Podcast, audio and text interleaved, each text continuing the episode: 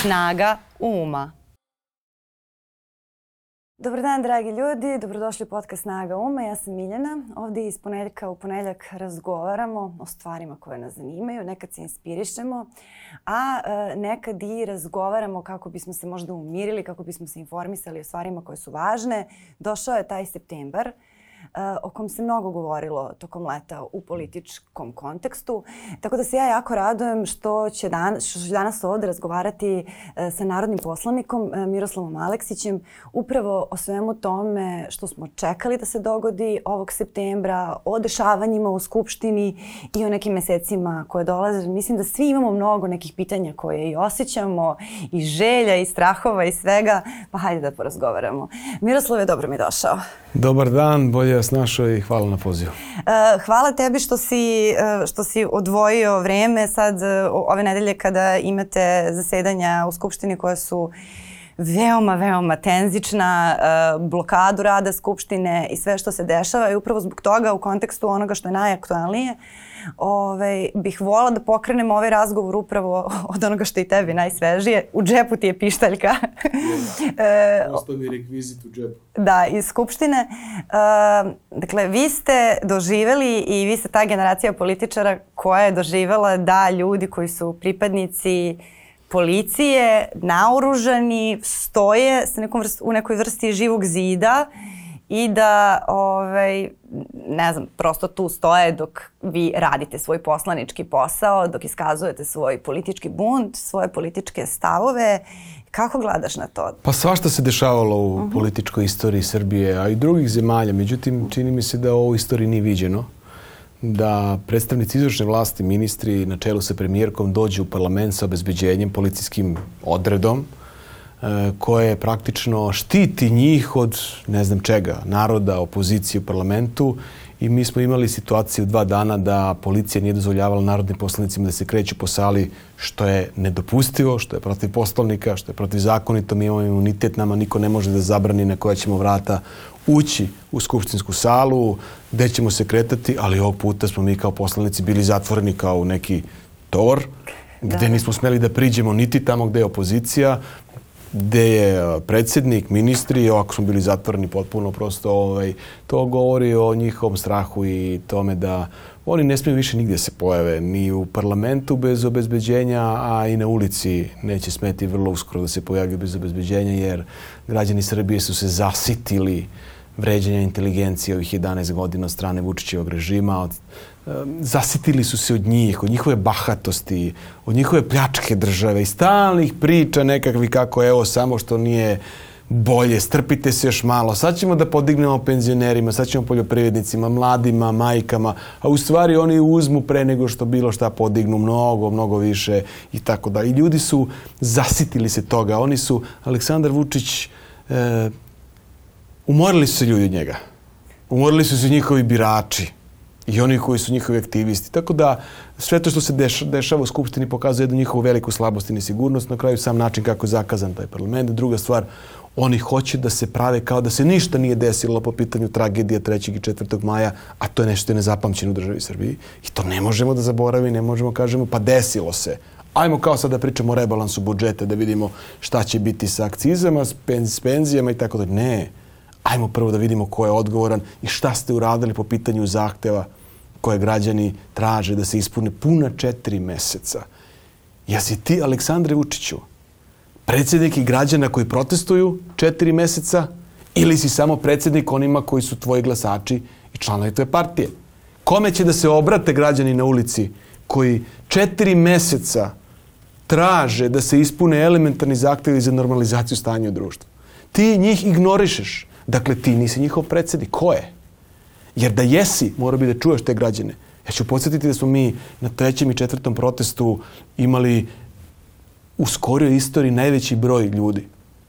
I po onoj kiši posle njihovog kontramitinga je bilo više ljudi nego koje su oni naterali, dovukli autobusom, kako su znali i umeli da dođu tu na taj miting. I ti ljudi su tu, bilo je stotine hiljada ljudi. Ljudi traže da im neko odgovori da ispoštuje njihove zahteve, on ih ignoriše. Dakle, ti nisi njihov predsjednik i ponašaš se i oni generalno imaju taj stav da se ponašaju kao da je Srbija njihova privatna prćija, da su oni to nasledili, da mogu da rade šta god hoće, da je parlament njihov, urušili su ga, vlada njihova, državna kasa njihova, tužilaštvo njihovo, policija njihova i to je jedno potpuno poremećeno stanje i država Srbija u smislu institucije ne postoji. Potpuno su je razorili i to je strašno veliki posao koji čeka sve nas koji ovde planiramo da živimo i da stvaramo normalno društvo. E sad, pre nego što te pitam za, za taj posao e, i e, pre nego što nastavim e, o situaciji u Skupštini, moram da te pitam, pošto si pomenuo taj e, umor, e, da su se umorili Vučićevi glasači, da su se umorili aktivisti vlasti. Vrlo je primetan i umor ljudi koji su opoziciono orijentisani. Ne samo u smislu broja ljudi na protestima, taj broj varira, ali jednostavno e, i opozicija ima, ima taj model sad će pasti, sad će, vla, pa, e, sad će pasti Vučić, sad će pasti Vučić. Od izbora do izbora mi imamo izbore jako često. To nije sada samo nešto što je vaša krivica, sada e, vas nekoliko je došlo i reklo narodu pašće Vučić prošle godine pa nije pao. To je prosto i nešto čemu se vjerojatno i ljudi nadaju i svaki put sa svakim izborima kada se to ne dogodi Ovaj, kako planirate to sada u septembru i da li ste razmišljali o tome kao izazovu pre, za opoziciju? Pa grešila je opozicija u proteklom periodu, ali ja ne volim kad slušam to kada govore da je opozicija loša, razjedinjena, slaba, ovako, onako. Niko neće da pogleda okvir u kom danas funkcioniše opozicija. Današnje opozicije kudi kamo teže nego one koje je bila 90. godine za vreme Miloševića. Ta tadašnja opozicija imala podršku celog sveta, a borila se protiv Miloševića. Opozicija danas u Srbiji nema podršku međunarodne zajednice i sveta za rušenje ovog režima, zato što im taj režim verovatno odgovara da rešavaju nekakve svoje stvari. I mi se borimo sami protiv svih. Nemate, tada ste imali lokalne medije gde ste mogli se pojavljate, tamo je, tada ste mogli da, no, nisu bile do te mere uzurpirane institucije, jako zvuči paradoksalno, nego što je to sada. Opozicija se proganja i gazi i dobro je da postoji. E sada, ja mislim da se sada polako stvari e, dovode svoje, na svoje mesto, da se stvaraju uslovi da opozicija može pre svega da izgradi poverenje ponovo sa građanima Srbije koji su se probudili i koji su ustali i to su pokazali. Niko nije verovao da može da izađe 100.000 ljudi na ulicu do pre juna ili maja meseca. Svi su mislili nema šanse, to se više nikad neće dogoditi. Da, moguće je i dogodit će se. I to su pokazali ovi protesti. I ja verujem da će tek ljudi da izlaze na ulicu jer shvataju da je moć kod njih u ovom trenutku. Dakle, moramo da izgradimo poverenje sa građanima i to je prva stvar i osnovna stvar. Druga stvar, mi moramo da se ponašamo ozbiljno i odgovorno, a čini mi se da smo sa grupacijom Srbija protiv nasilja, koja organizuje ove proteste puna četiri meseca, uspeli da pokažemo da možemo da se dogovorimo. Drugo, tu su neki novi ljudi, ta saradnja je nastala iz parlamenta, nismo opterećeni hipotekama prošlosti, možemo međusobno da razgovaramo, da se dogovaramo i ja naravno to razgovaram sa kolegama i stalno ih pozivamo da probamo da taj naš savez koji smo napravili u parlamentu, koji je iznedrio sve ove proteste, ovu borbu i u institucijama i u ulici, sačuvamo i da proširimo ako treba sa drugima koji su spremni da zajedno sa nama, zajedno sa građanima stanu u borbu i da tražimo podršku pre svega e, praktično građana koji, koji se bore za normalizaciju stanja u društvu, da mi to zajednički realizujemo jer vlast se pravi e, potpuno ignoriše i pravi se kao da se ništa ne dešava u državi Srbije. Tako da ja mislim da e, polako se stiču uslovi za to i e, ovaj naš zahtev za održavanje varednih parlamentarnih izbora e, naravno da nije slučajan i e, mi želimo da zapravo krenemo u tu borbu sa ovim režimom, političku borbu. Ja ne verujem i nisam pristalica toga da režime možemo i vlasti menjati kroz neke revolucije. Imali smo mnogo tragedija u prošlosti i u skoroj budućnosti i rani ne treba nam to. Svaki čovjek u Srbiji mora da bude bezbedan, ne smemo nikog dovesti u opasnost. Moramo učiniti sve da se to koliko toliko dogodi na jednom jednom normalnom procesu, izbornom procesu. I sad da li će Aleksandar Vučić smeti da raspiše te izbore za decembar, aj to ćemo vidjeti. Pošto se on hvali vrlo često, proziva opoziciju, hoćete izbore, kažite kada, hoćete Beogradske, hoćete parlament, evo rekli smo ti. Rekli smo ti, nema više rada e, skupštinskih zasedanja, blokirat ćemo, raspiši izbore, kad raspišeš izbore, onda možemo da razgovaramo o izbornim uslovima. I to su baš kako gradski da se i parlamentarni, gradski i parlamentarni bez do ove kraja, do kraja godine. Pa zato što je to jedan od elementarnih zahteva za fer i poštene izbore da budu razdvojeni izbori, da ne budu svi izbori jednog dana. I onda vi imate u prvom planu parlamentarne izbore, a lokalni izbori u bilo kojoj opštini u Srbiji su potpuno u drugom planu. Niko ljudi, od ljudi tamo ne zna ni koga bira, ni za šta glasa. Tako da, taman je idealno. Do kraja godine završimo beogradske parlamentarne, sledeće godine, polovinom godine, u redovnom terminu se održe lokalni, pokrajinski izbori koji po zakonu moraju se dogode i vraćamo se u normalu. Pa, neka Aleksandar Vučić izađe i neka pokaže tu svoju snagu. Ja verujem da mi sada uh, možemo da napravimo zaista uh, veliku stvar.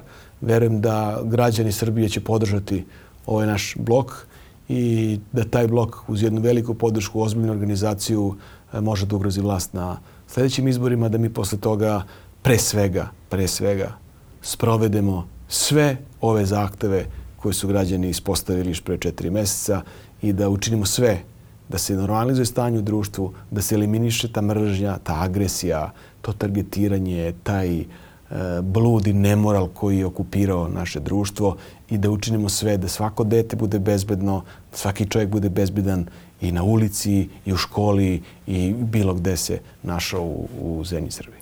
Uh, ja razumem ljude koji su prestali da prate uh, dnevne političke vesti. Uh, mislim, i, i sama zasedanja Skupštine su vrlo i stresna i, i sve. I, I razumem ljude koji se, da kažem, kampanjski informišu kada je nešto bitno ili kada su izbori i tako dalje. I stvarno sam tokom leta žela da osluškujem da vidim koja su to pitanja tih ljudi koji se relativno površno informišu, imaju neke e, isprave, ispravne stavove, pravdoljubivi su, nisu skloni korupciji niti bilo čemu tog tipa, a šta je to što nije došlo do njih?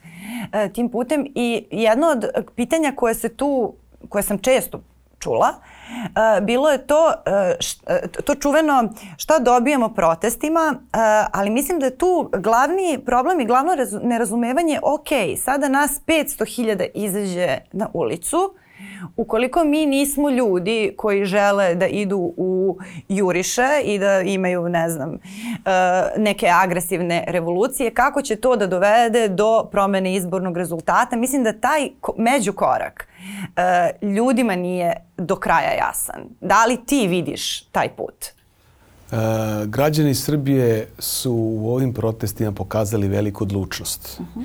upornost i izdržali su četiri meseca da na ulici pokažu da ne odustaju. Uh -huh. I to je, ta izdržljivost je nešto na što vlast nema odgovor. Kao što nije imala odgovor ni na to što su protesti bili mirni, nenasilni. I to jeste put da e, vlast praktično počne da gubi sigurnost s jedne strane i da njihovi podržavaoci, glasači, članovi budu demotivisani, demoralisani i da polako počnu da se povlače. Ta, mi smo tu fazu već prošli. Korak dva je sada ovo što se dešava od septembra. Mi smo rekli da ćemo od septembra pokrenuti neke druge akcije. Evo, to smo pokazali danas u Skupštini. Nastavljamo naše proteste tokom septembra. Imaćemo sada protest ispred televizije Pink. Posle toga nastavljamo dalje sa protestima, ali ćemo zajedno sa građanima probati da napravimo dogovor i da dođemo do te sinergije. Zašto? Građani su ti koji svem odlučuju. Građani su ti koji će reći da, želimo da promenimo ovu vlast i zato hoću da izađem na ulicu, hoću da protestujem, hoću da podržim neke druge ljude ili će reći pa eto, neću, baš me briga šta ja tu mogu da uradim. Mogu. Svaki građanin u Srbiji, svaki čovek se pita i kakvo će biti stanje u državi i da li ćemo i dalje ćutati i gurati glavu pesak ili ćemo se probuditi i reći dosta je bilo. Nećemo više da ćutimo, ove tragedije su, su nas udarile direktno lice, ne možemo da pređemo preko toga, ne možemo da pređemo preko nasilja koje se dešava svakog dana. To je atak na zdrav razum koji gledamo kroz tabloide režimske, kroz televizije pod kontrolom režima sa nacionalnom frekvencijom. Dakle, to, to je potpuno ljude, ljude hipnotiše i drži ih u nekoj u nekom stanju svesti nerealnom potpuno. Dakle, mi moramo protiv toga da se izborimo ako hoćemo da budemo normalno uređeno društvo. I zato građani šta? Pa moraju da sarađuju sa opozicijom. Mi smo upućeni jedni na druge. Ili će ovo da ostane kako će ostati? Ne valja opozicija. Pa nek se, kogod hoće da se uključi. Ja vidim sada, poslednje vreme, mnogi stoje sa strane i kažu ah, protesti su loši, ugasit će se, ovi ne znaju šta rade. Oni, pa, pa uključite se. Svako ko misli da može bolje, da bude bolji opozicionar, da bude lider, da bude vođa, da bolje organizuje proteste, da smeni Vučića za dve nedelje, evo ja ću prvi da ga podržim. Izađeš ispred Skupštine, pozoveš građane i kažeš plan. Hajmo da to uradimo, ako god, kogod ume bolje. Ali lako je kritikovati, ajde da uradimo nešto. Svi, svi, svi pomalo. I sad vlast zapravo koristi taj narativ koji plasira preko društvenih mreža, preko televizije, preko nekih pojedinaca koji se predstavljaju opozicijom, a u stvari služe tu da stvaraju taj, to, to neko mišljenje da nema ništa, da je sve propalo. Na koga misliš sada? Pa ima konkretno. tu sad i stranaka koje da? učestvuju tu, ima nekih pojedinaca uticanih koji idu po televizijama i nekih analitičara i nekih, ne znam, samostalnih političara. Ima raznih da organizacija. Pa neću, ne želim nikoga da, okay. da targetiram niti da pričam bilo šta. Oni znaju ko to šta radi, ali i mi to negde osjećamo. Ali ja se obraćam građanima da ne nasedaju na te priče. Mi moramo zajedno da se borimo protiv ovoga, hoćemo da pobedimo. I nije ovde stvar u tome da mi pobedimo Vučića, da dođe neki drugi Vučić. Ovde je suština ko je spreman da se obaveže da napravi drugačiju državu, da izgradimo sistem u kome će svaki pojedinac imati jednaka prava, gde nećemo kao sada imati jednu grupaciju političke elite na vlasti kojoj je dozvoljeno sve i za njih nema ni kazne ni sankcija. Za njih ne postoje zakoni, za njih ne postoji tužilaštvo koje će da ih procesuira, ne postoji policija koja će da ih uhapsi, ne postoji ništa. Oni su zaštićeni jer su privatizovali zemlju. A drugi građani moraju da se da trpe i da ćute. Jer se vlast odrodila od naroda. Hoću da, ja želim da živim u državi gde neće biti bitno da li ste ministar ili ste poljoprivrednik, profesor ili lekar, ali pravila moraju da važe podjednako za sve. E sad, to je ključno pitanje. Ko od političara je spreman da se odrekne sutradan političke moći?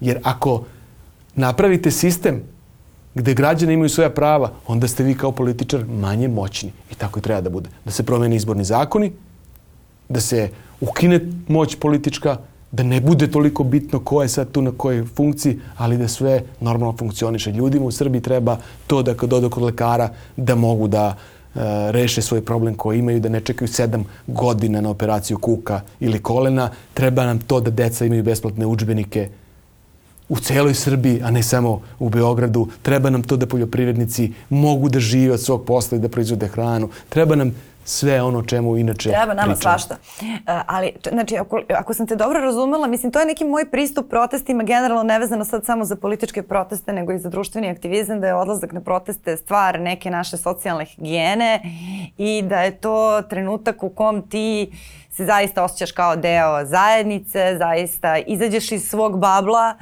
i e, na, na protestima u stvari dobiješ neku vrstu kompasa o, sa ljudima, o ljudima sa kojima živiš. Dakle, ja mislim da su protesti korisni uvek i uvek ću ih podržavati u tom nekom smislu.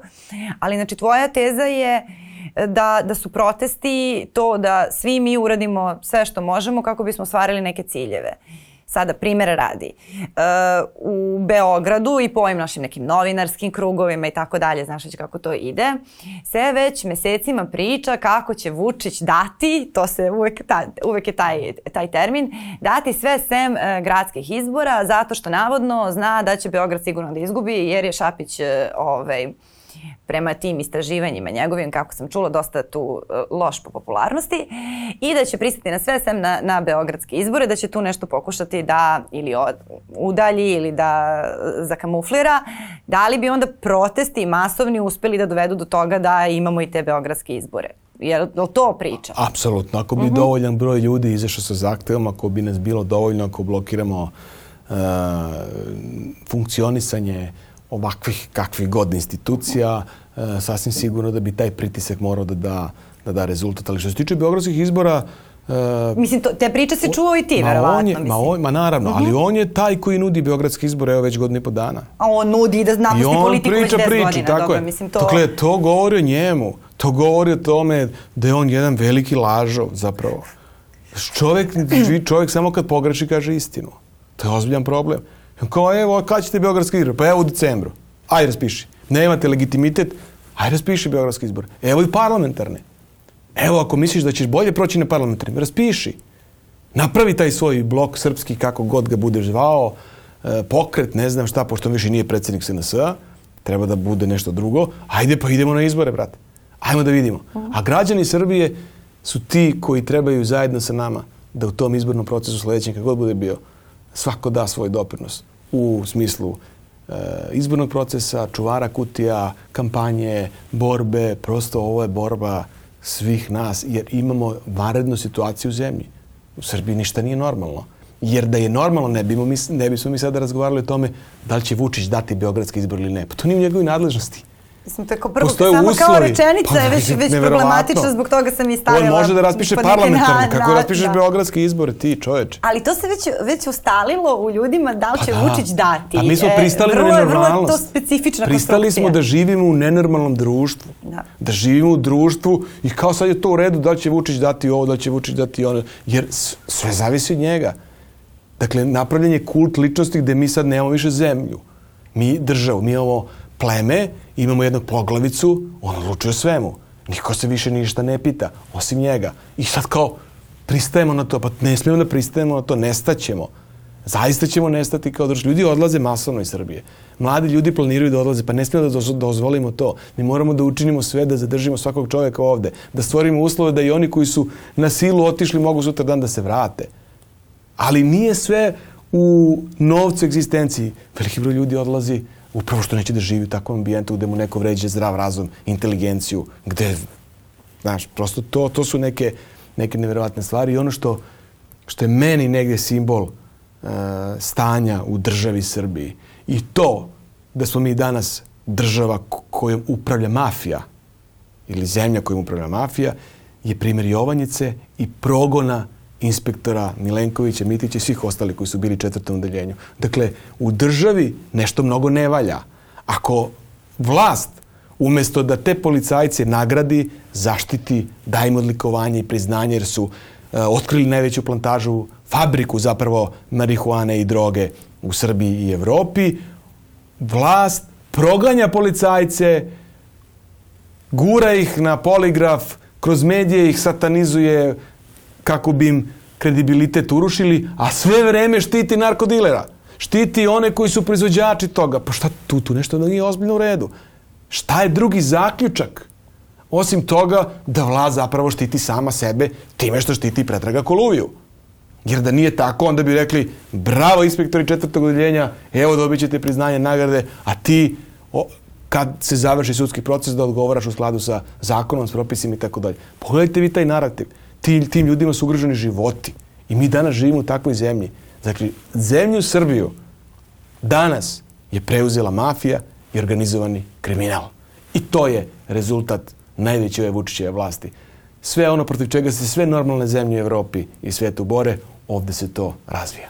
Ajde sada, uh, mislim, vola bih uh, da, da sa tobom prođem kroz dva potencijalna scenarija, baš kad je slučaj Jovanjica u pitanju koji pratiš od početka. Uh, dakle, šta, kako misliš da bi se slučaj Jovanjica razvijao ukoliko uh, vladajuća struktura ostane nepromenjena uh, u narednim godinama?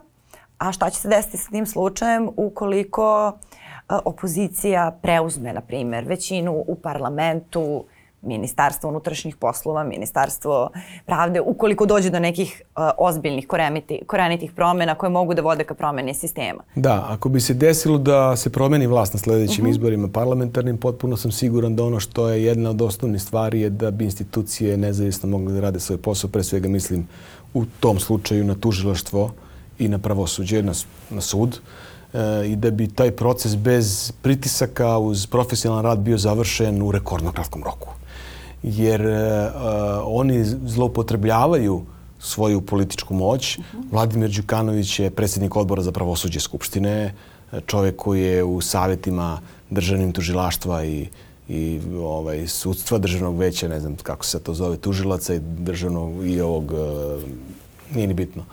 Uh, on je on je čovjek koji je svuda, uh -huh. koji je direktno uključen u proces kao advokat Predraga Koluvije, koji ima direktan utjecaj na izbor i reizbor sudija i tužilaca. I samo kad bi se ljudi pustili da tužilaštvo radi svoj posao, da pravosuđe radi svoj posao, ne bi moglo da se dogodi da imamo 35 ročišta koje su otkazana za Jovanjicu 2. Zašto suđenje još nije počelo, jako je četiri godine od otkrivanja te plantaže. Dakle, siguran sam da bi u rekordno kratkom roku ozbiljni profesionalni e, tužioci bez političkih pritisaka doveli taj proces do kraja i da bi oni koji treba da odgovaraju, odgovarali. Bez obzira da li su ovi koji su direktno učestvovali u toj proizvodnji ili su to neki koji su politički nalogodavci ili ljudi službi koji su bili uključeni u to protiv kojih je podignuta optužnice koji su svi bili pohapšeni. Znači politički nalogodavci to je onda već Jovanjica tri ljudi iz Jovanjica vlasti. tri. E Da. sada, ako ostane a ja nisam siguran da ovo više ne može, ovo, ovo ne može da se više. Ali ajde, Ali da- ali hipotetički, hipotetički vi da rešite ponovo ovo. da bojkotujete i naredne tri godine su oni u Tako je. Skupštini dakle, sami. u Ajde. toj situaciji, ovo je toliko veliki slučaj da koju god vlast bude bila, epilog mora se dogodi. Nismo još stigli do kraja. Istina uvek nađe svoj put. Nekad mora da se sačeka malo duže, ali uvek istina na kraju pobedi. I ja sam siguran da će u slučaju Jovanjica istina da nađe svoj put i da ćemo mi pre ili kasnije saznati sve o tom slučaju. I ko je šta radio, ko je koga štitio, ko je dao naloge, šta je uloga predsjednika države, šta je uloga šefa bije, šta je uloga tih političkih elita koje danas proganjaju policajce koji se bore protiv droge, a neguju i štite one koji su optuženi za proizvodnju droge u Srbiji, najvećoj fabrici, je najvećoj plantaži. Zapravo, to će da se dogodi. Toliko je duboko taj slučaj, otišao četiri godine, već ta tema traje, da ja nisam siguran da u državi Srbiji postoji bilo ko, osim onih kojima život zavisi od toga, politički, sloboda ili šta god, ko je spreman da sada se igra sa svojom karijerom ili sa bilo čime i da sad nešto tu pokušava da, da na bilo koji način zlopotrebi. Evo videli smo sada, evo ovaj, pojavio se tekst, jedan jako zanimljiv u Ninu, a to je da je Vladimir Đukanović zajedno sa e, ovim Papićem e, nudio mito ministru ovom e, inspektoru Milenkoviću 100.000 evra kako bi se zataškao zataškala afera Jovanjica, odnosno slučaj Jovanjica. Zapravo, u, posle takvog teksta u normalnoj zemlji tužilaštvo bi moralo odmah da pozove Vladimira Đukanovića na saslušanje, što je narodni poslanik, na, da odgovori na te navode koje mu se stavljaju na teret, da je pokušavao da podbiti inspektore kojima inače, ne samo što, što su pokušavali da ih podmite, nego koje pokuša, pokušava neko da ubije. Ljudima su ugroženi životi. Ljudi su tražili obezbeđenje. Policijska procena ovakve policije, politizovane policije, dobrim delom i kriminalizovane policije, je bila procena da, da oni mora da dobiju obezbeđenje. Što znači da njima život zaista ugrožen. Nema tu više priča. Ti ljudi su doneli i fotografije, imena i sve tih ljudi koji, za koje sumnjuju da hoće da ih likvidiraju. Dakle, pogledajte kolika je to borba države da se slome ti ljudi. I zato je jedina sada njihova odbrana javnost i građani. Oni koji ispred sudnice sačekaju Milana Isakova ili Dušana Mitića i daju im podršku i kažu mi smo tu uz vas. Ako dozvolimo da slome te ljude, slomit će sve. Pa Aleksandar Vučić je neko koji razmišlja samo kako da proživi politički. I onda on kaže, ha, uspio sam da pre, preživim ubistvo Olivera Ivanovića, što je bila strah, strašna tragedija za društvo, za nas kao vlast. Aha, dobro, evo sad preživio sam i ove masakre, idemo dalje, to desilo se, zaboravilo se to, baš nas briga šta će se dešavati u budućnosti. Pa sad razmišljam, pa dobro, ajde ova dva inspektora da se nekako reše njih, pa će to da preživi. Ne može. Ne može. Došao je kraj. Moraš da odgovaraš. I ti i svi tvoji ljudi za sve loše stvari koje ste uradili. Ne možete igrati sa sudbinama i životima ljudi i da se igrate sa jednom državom kao što se igrate. Sve mu dođe, sve ima svoj početak i sve mu dođe kraj.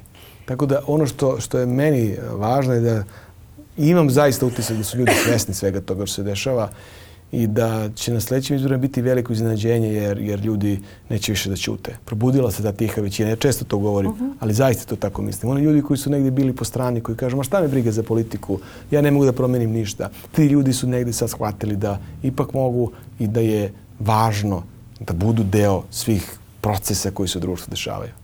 A, to, to je neki osjećaj koji sam stekla i ja uh, i, i to naj, najbolje primetim na nekim mestima gde se inače ne priča o, polici, o politici, o aferama, o svemu tome, ne znam, odeš u frizerski salon gde su po pravilu svi politični, a politični i onda shvatiš da sve žene samo pričaju o tome kako treba da se promeni vlast.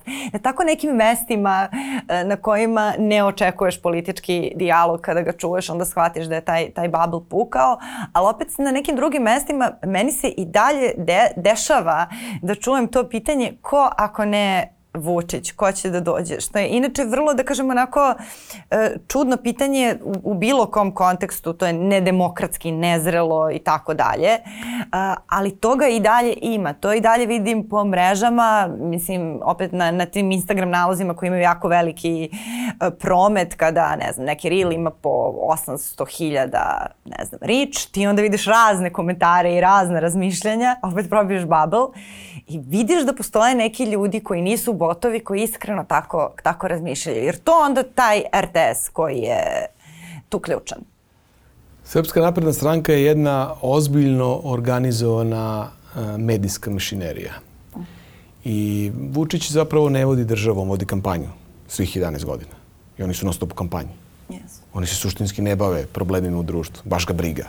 On samo kad dođe kampanja, on kaže aha, povećat ću penzije, evo, povećat ću plate, ne znam, daću poljoprivrednicima ovo ono dok treba da se glasa, posle toga ćao, ne važi. I sada oni sa tom takvom medijskom mašinerijom, sa strašno mnogo novca koje imaju, sa po, gotovo kompletnom kontrolom medijskog prostora, izuzev par medija poput vašeg gde možemo da se pojavimo i mi koji nismo deo, deo režima, oni mogu da plasiraju bilo kakav narativ i da ga uspostave. I to je jedna od glavnih stvari koji oni rade godinama unazad, gde predstavljaju njega kao jedinog koji nije baš dobar.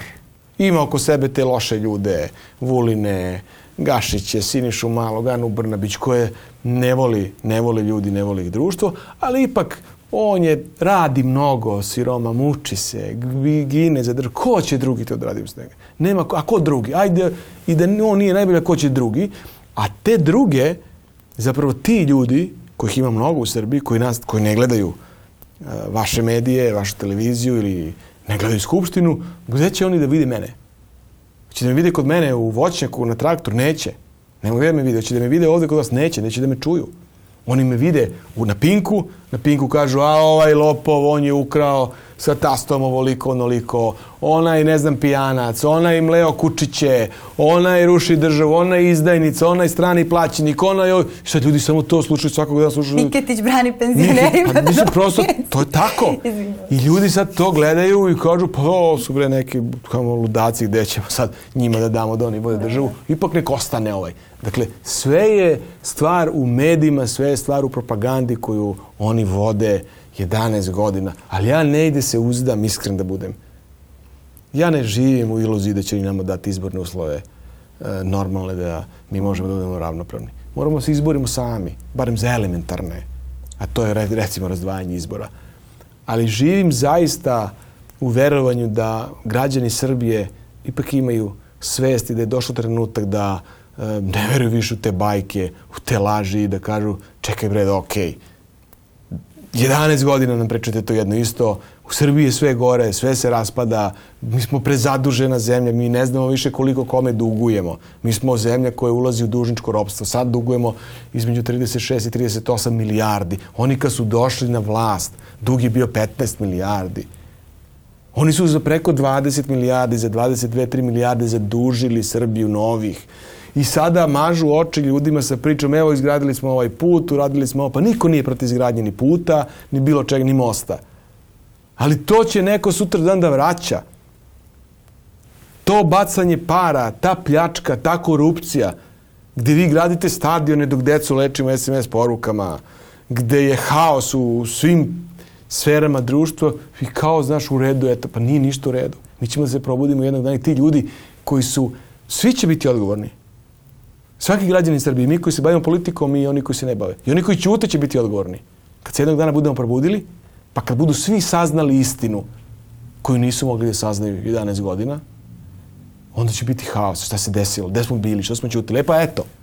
Ali ja verujem da postoji ta svest i da će se ljudi probuditi i reći čekaj čoveče, dosta je bilo više. Dosta je bilo više tvojih priča i svega i svačega, pa valjda vidimo svi šta se dešava kad odemo u prodavnicu, kolike su cene. Vidimo kad odemo na benzinsku pumpu da sipamo gorivo. Vidimo koliki nam je standard, šta smo mogli da kupimo pre 5, 6 ili 10 godina, šta radimo danas. Poljoprivrednici znaju koliko su prodavali pšenicu pre 10 godina, koliko je prodaju sada. Kakva je situacija sa, ne znam, ovim milijon. Prosto to, to ne treba vam za to čak ni mediji. Treba samo svest. I ja mislim da se to u Srbiji dešava. Postoje prirodni procesi koji se ne zostavljaju. Taj prirodni proces promjene ovog režima je u toku. I to je najveći strah sad koji vlast ima. S jedne strane imate energiju ljudi na ulici, opoziciju koja se udružuje, koja se dogovara, koja ide s narodom na ulicu, nezadovoljstvo njihovih birača, apatiju koja se javlja kod njihovih birača, onda oni sad pokušavaju, već su u kampanji pokloni, penzije, plate, gorivo, ajmo da pokušavaju da neće sad to više ništa pomoći. Došao je taj prirodni proces kad Aleksandar Vučić pre nego što bude otišao u istoriju, moraće da odgovori u državnim institucijama i verujem da će biti jako čest gost tužilaštva i pravosuđa u državi Srbije posle promene ovog režima. Prvo on, a onda i svi ovi drugi iza njega.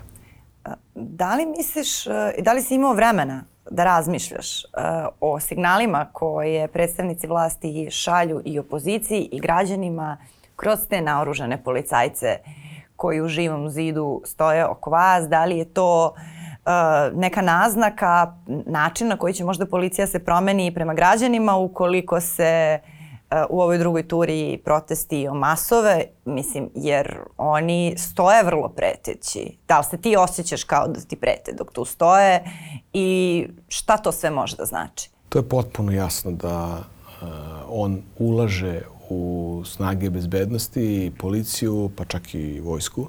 I to direktno kroz te ljude, kroz uh, razna davanja, kroz povećanje zarada i plata, kroz specijalce sada koje zapošljavaju i obećavaju plate, ne znam, 5000 evra koliko će da, da. dobiju ti specijalci i tako dalje, da on na taj način pokušava da napravi neki svoj uh, odbrambeni bunker i zid da ti ljudi krenu da brane ovaj njegov režim. Ja se uzdam u svest ljudi da uh, tih policajaca da treba da znaju da njih ne plaća Vučić. Njih plaćamo svi mi. I vi, i ja, i svaki građanin ove zemlje. Vučić ne vadi svog džepa, nikomu ne da platu, niti da izgradi put, niti da bilo šta drugo napravi. To su naše pare. Mi u ovoj zemlji koji živimo sve njih finansiramo. Taj policajac treba da bude svestan da je on u obavezi da štiti sve nas i koji nismo vlast, ali one koji su vlast. Dobro, da li bi oni zaista zadržali te poslove i tih, i tih 5000 evra da im nije Vučića? Pa ja, kako mislite da li bi zadržali? Pa da li bi bili na tim pozicijama? Iskreno, pa nije njih Aleksandar Vučić, da oni su tu. Pa, oni su pa tu. Zato oni tu rade. A, jer recimo pa kada on... pričaš sa policajcima, nekim koji su onako nešto, sta, nešto tu moje tvoje godište, dakle već imaju neko, ne, neko iskustvo u policiji, to kakve su procese oni prolazili pre nego što su obukli uniformu, dobili pendrek, pištolj, da ne govorimo o tome, popeli se na konja i, i ovaj, radili neke ozbiljnije stvari. Dakle, to su godine sada, ove nove generacije generacije prolaze neke obukice od šest meseci uh, i ponašaju se na način koji je njima stran. Uh, oni kažu to je neka policija koju mi ne prepoznajemo. Dakle, to su rečenice koje sam ja čula Jeste. od iskusnih je... policajaca. Kao neki nov odred. Nisam sigurna jer i kada pričaš, ne znam, sa porodicama ljudi koji rade u tim državnim firmama, kažu, evo, zaposlila sam unuku, dobija 80.000, ne radi ništa po ceo dan. To su ljudi koji su kao nekako gledaju kao da su pronašli način da se da pronađemo svoje mesto u ovom sistemu i nisam sigurna da oni misle da, da, da zaista zaslužuju i taj posao i tu platu, nego čini mi se kao da, da se osjećaju kao da su nešto smuljali. Biće takvih, ali nas je više. I u policiji je više oni koji su nezadovoljni nego koji su zadovoljni. Uh -huh. I to je to nezadovoljstvo koje se javlja u institucijama, ne samo u policiji, svuda. Svuda ljudi više neće da ćute. I ti takvi su se prodali. Ja nekako više Taj mislim ko, da, da ti takvi neće da rizikuju, jer oni da su teli da rizikuju okay. za neki ideal, oni bi radili nešto što nije laganica. Ok, I da nije, nije teško, znam, mislim, da vam kažem. Kad razmišljam, da. Najteže je biti slobodan čovjek. Sloboda je skupa, ali sloboda je najveća, najveća vrednost koju jedan čovjek nosi sa sobom. Uh -huh. Da budete slobodan čovjek. Da vas niko ne ucenjuje, da vam niko ne nameće šta treba da kažete, šta treba da uradite, da ne budete slepi poddanik kome neko kaže sad sam te ja kupio zato što sam ti dao to, to i to, ti mora da budeš moj sluga. To radi ovaj režim. Pravi sluge od ljudi. Da. I ti koji su spremni da budu sluge, neka budu. Šta ću ja da radim? Ne mogu ja da idem u jedan u drugo da, ih menjam. Ni ja ni bilo koji drugi moj kolega. Ali ja sam siguran i znam, znam, celu Srbiju obilazim, da je mnogo više ljudi koji nisu spremni da budu sluge režima, koji su svoju slobodu skupo platili, sa svojim porodicama, sa svojim životama, sa svojim profesionalnim karijerama, za kojih nema mesta u ovom uređenju gde je elita na pinku, a ne na Srpskoj akademiji nauka i umetnosti ili na fakultetima ili, ili ne znam, u zdravstvenim sistemima, nego elita neka nova, na pinku. Neki pevači, neki ljudi sumnjivog morala i ko zna ko on se tamo pojavi, ne zna se ni ko su ti ljudi.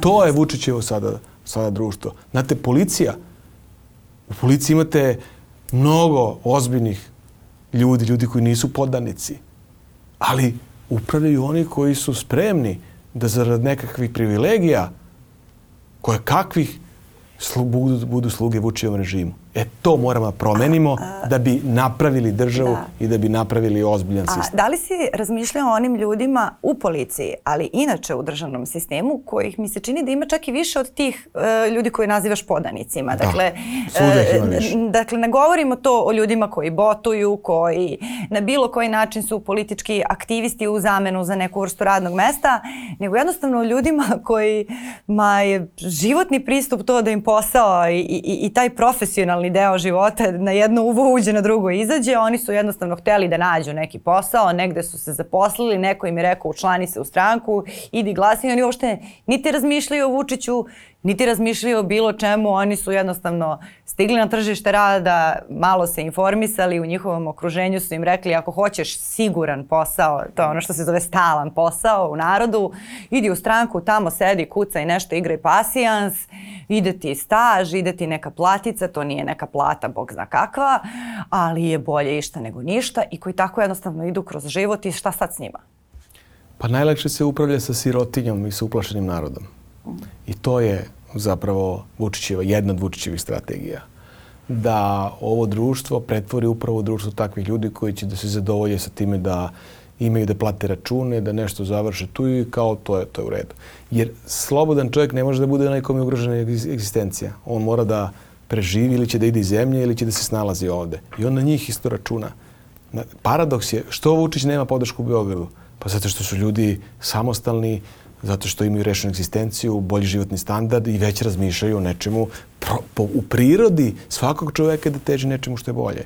Da težite da zarađujete više, da bolje živite, da vaše deci možete da omogućite bolje školovanje, bolje neke uslove i tako dalje. Prosto on je sve je naopački izokrenuto i sve je podređeno ne interesu društva, nego interesu njegove političke partije i političke elite. I zato smo tu danas da jesmo. I ako sada se svede na to da ima tih ljudi koji će sada da i bit će ih, to ne može se promeni, samo i ti ljudi treba da znaju da pre ili kasnije zakucaće problemi i nezadovoljstvo na njihova vrata. To što on sad misli, e, ja sam rešio problem, sad sam ja zaposlila me Srpska napredna stranka, ja ću Sad tu ću tu do penzije, tu to ću- je to. Pa nisam baš siguran. Predam dva nisam izveštaja mesečno siguran. i to je to. Sve je u životu ciklus. Svi su promenjivi, sve se dešava. Oni treba da ozbiljno svi razmišljaju da li je to, da li je to normalno. Jer njihova deca su isto na ulici. Pa ne, ne protestujemo mi u ovoj borbi za Srbiju protiv nasilja samo za decu koja su i ljude koji su opozicija, nego i za one koji su na vlasti, i za policajca, i za lekara, pa za svačiju decu se borimo. Za svakog čoveka se borimo. To ljudi treba shvate. Postoje neke stvari koje su iznad politike i svih nas koji ovde živimo. A bojim se da nisu svi spremni da to, iako shvataju, ćute. I nisam ja baš siguran da i ti ljudi koji su dobili posao od ovog režima, da su slepi da ne vide šta se dešava. Pa dobro. Pogotovo oni koji su dobili posao za stalno. On je rešio svoj posao i sad ćemo da vidimo za kako će da glasa i kako će ko koga da nagradi i da li on, oni vide, pa oni ne, Pa nema... dobro, svakako i prosto ta to je- osoba, to je ona tako. mora pošalje dete u školu i zaboleće I stomak. vraćamo mislim, se sad da. na onu priču šta je prirodni Ali proces. znaš šta me tu zanima? Sad imamo još malo vremena, htela sam sa tom, sad si mi otvorio je- jedno pitanje. E, ne znam, moguće da. Ja nastojim da, da sagledavam stvari iz tog nekog um, ugla uh, i sociologije i svega. Mi smo u vremenu socijalizma, u tom vremenu Tita jednostavno dobili tu generaciju koja je verovala da se ti zaposliš na jednom mestu i tu ćeš otići u penziju i da je to u redu, da je to cilj, da je to čak i uzvišeno što se donekle uklapalo u tadašnji državni sistem, jer ti kad radiš, radiš za svoju državu, to ti se vraća, sve to je imalo nekog smisla uh, u teoriji i onda kada se dogodila neka tranzicija polovična, te generacije su vaspitavale nove generacije da u jednom novom sistemu isto tako pristupaju životu, a ovo je jedan sistem u kom je u redu raditi u državnoj službi, ali samo u nekim profesijama zaista ima smisla ceo život biti tu čak ne znam, ljudi koji su pravnici jedno vreme će raditi u, uh, ovaj, ne znam, u državnoj službi pa će onda otvoriti kancelariju, preći će prosto drugačiji, drugačiji je sistem i čini mi se da je nama srpski san i dalje kao što imaš onaj američki san da ne znam, radiš pa postaneš milioner, da je srpski san ostao to stalno radno mesto u državi. Evo čak mislim i mafija na kraju krajeva želi da radi za državu. Mislim, to je totalno jedna izvrnuta situacija. Da li zaista u tom sistemu mi možemo i da dođemo do toga da jednostavno uh, se preseče ta pupčana vrpca i da prestanemo svi da maštamo o tome kako ćemo jednog dana sedimo u nekoj kancelariji za državu i da je to vrhunac nečijeg mira i sigurnosti i svega. Je, da. Vidiš li to? Mislim sad ovo ne, nije ne, baš pa partijsko naravno, pitanje. Pa naravno, to se, to se osjeća. To uh -huh. se mhm. osjeća. Ovaj, prosto mi, mi nismo sazreli kao društvo. Kod nas, kod nas tranzicija još uvijek traje. I nikako da se završi. Nikako da izađemo iz tog procesa tranzicije. Vučemo te recidive prošlosti nekih starih uređenja, komunizma, socijalizma i Srbija jeste bila zemlja koja je u nekom trenutku imala e, to uređenje sa velikim privrednim sistemima, državnim firmama, gde je svako rekao, aha, idi u državnu firmu. Pa ja znam, kad sam bio ovaj, mlad dečko, meni je otac pričao, ma zaposli se ti u opštinu da primaš ti tamo platu, to ti sigurno. Nađi pravi posao. Nađi pravi, pravi posao. Tako nešto, znači, da, te, pa da vidim to. Neću, ja sam imao druge neke svoje deli. Nisu svi ljudi e, nemaju svi ljudi preduzetničku svest, preduzetnički duh, spremnost da izađu da se bore i to je u redu. Dakle, imate one koje, koji su organizatori, koji su preduzimljivi i imate one koji rade u nekim sistemima. Zapravo svakom čovjeku treba naći mesto, ali treba stvoriti ambijent u društvu i državi da za svakog čovjeka imate mesto u tom državnom velikom timu. Dakle, ono što, što mi, mi kao, evo, Narodni pokret Srbije koji da. sam ja sa, sa kolegama sada osnovao, e, baš upravo baveći se sada izradom e, programskih dokumenta, pa govoreći o ekonomiji, negdje smo tri neka načela e, izdefinisali šta je preduslov za strategiju daljeg privrednog razvoja. To je ekonomski patriotizam, ekonomska pravda, jaka srednja klasa. To je nešto što se izgubilo u državi Srbiji. Tome moramo negde da težimo, da stvorimo, da bi svako bio zadovoljan na svojoj poziciji. Inače, Srbija je zemlja genijalaca. Srbija je zemlja e, Pupina, Tesle i tako dalje. Prosto, kroz istoriju, kroz vekove smo imali zaista genijalne umove, pravili velik. Naši ljudi gde god odu u stranstvo, oni prave vrhunske rezultate. Da li se bave IT-em, da li su privrednici, šta god drugo da rade, oni vrhunske rezultate prave. Vode velike sisteme, vode velike firme. Što to ne bi mogli da rade u Srbiji? Zato što treba da napravimo taj ambijent, da konačno izađemo iz te tranzicije i da prestane da bude nebitno da li ste u državnoj firmi ili ste u ozbiljnoj privatnoj kompaniji i da kažete da ja želim da se time bavim, to je moja profesija, to me zanima. Mislim da to možemo da uradimo. Ja, ja verujem da, da Srbija ima veliki potencijal i velike šanse, samo je važno da, da vlast bude spremna neka buduća da se odrekne e, svoje političke moći, da se izgradi sistem i da se shvati da e, političari i vlast treba da služi narodu, a ne obrnuto da narod samo služi njima i da njima bude super, a da narod se snalazi kako zna i umije, onda kažete, evo dobit ćeš posao, daću ti nešto da radiš, zaposlit ti čerku, sina, bratanca, kuma, budi srećan i to, to je.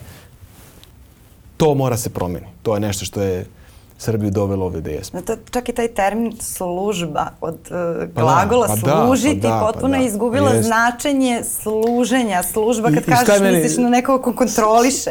A služba treba da služi, da državna služba. Jako mi je žao Miljana što mm. ovaj, e, pratim šta se dešava u regionu. Imam utisak da čak i naš komšiluk, zemlje koje su u regionu, koji su naši susedi, Svi se razvijaju bolje i svi imaju bolju strategiju nego mi. To pokazuju i ekonomski pokazatelji, to pokazuje sve. Nekako te zemlje, evo sada se desila ova tragedija u Bačkoj Palanci, e, gde je poginulo ovo dete, pred toga poginuo njegov deda.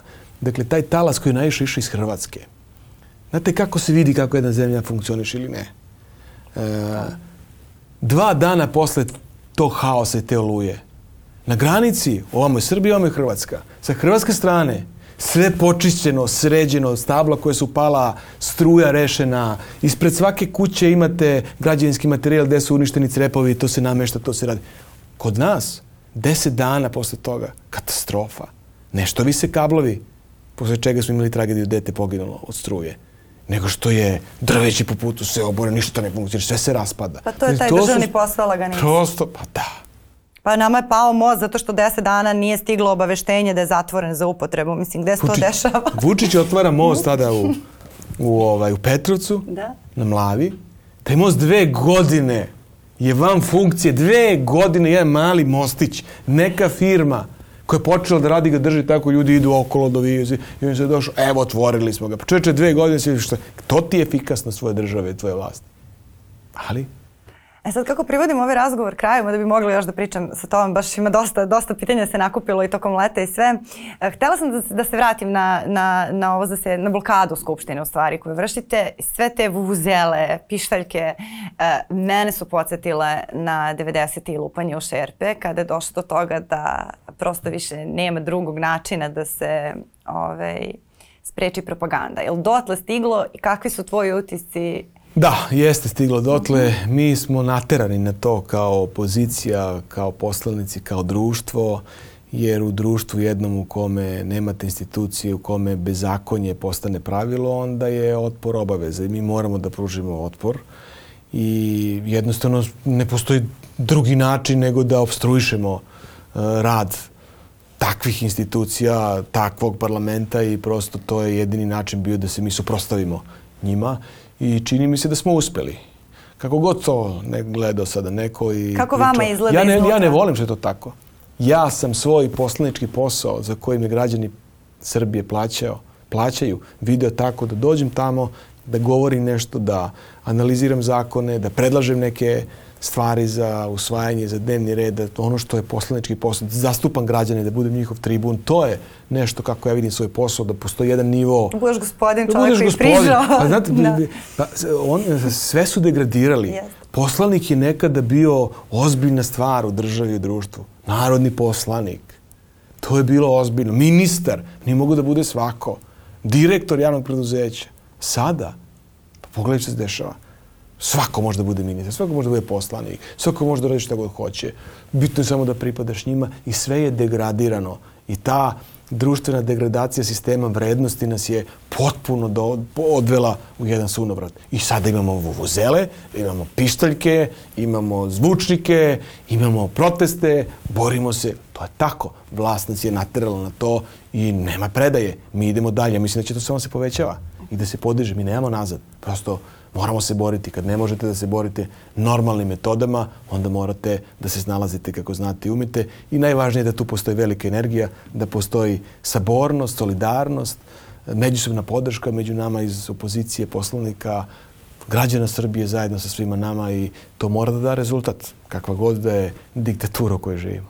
Hvala ti mnogo na razgovoru. Bilo je zadovoljstvo. Nadam se da se vidimo opet. Tu smo i sledećeg ponedjeljka na Nova RS.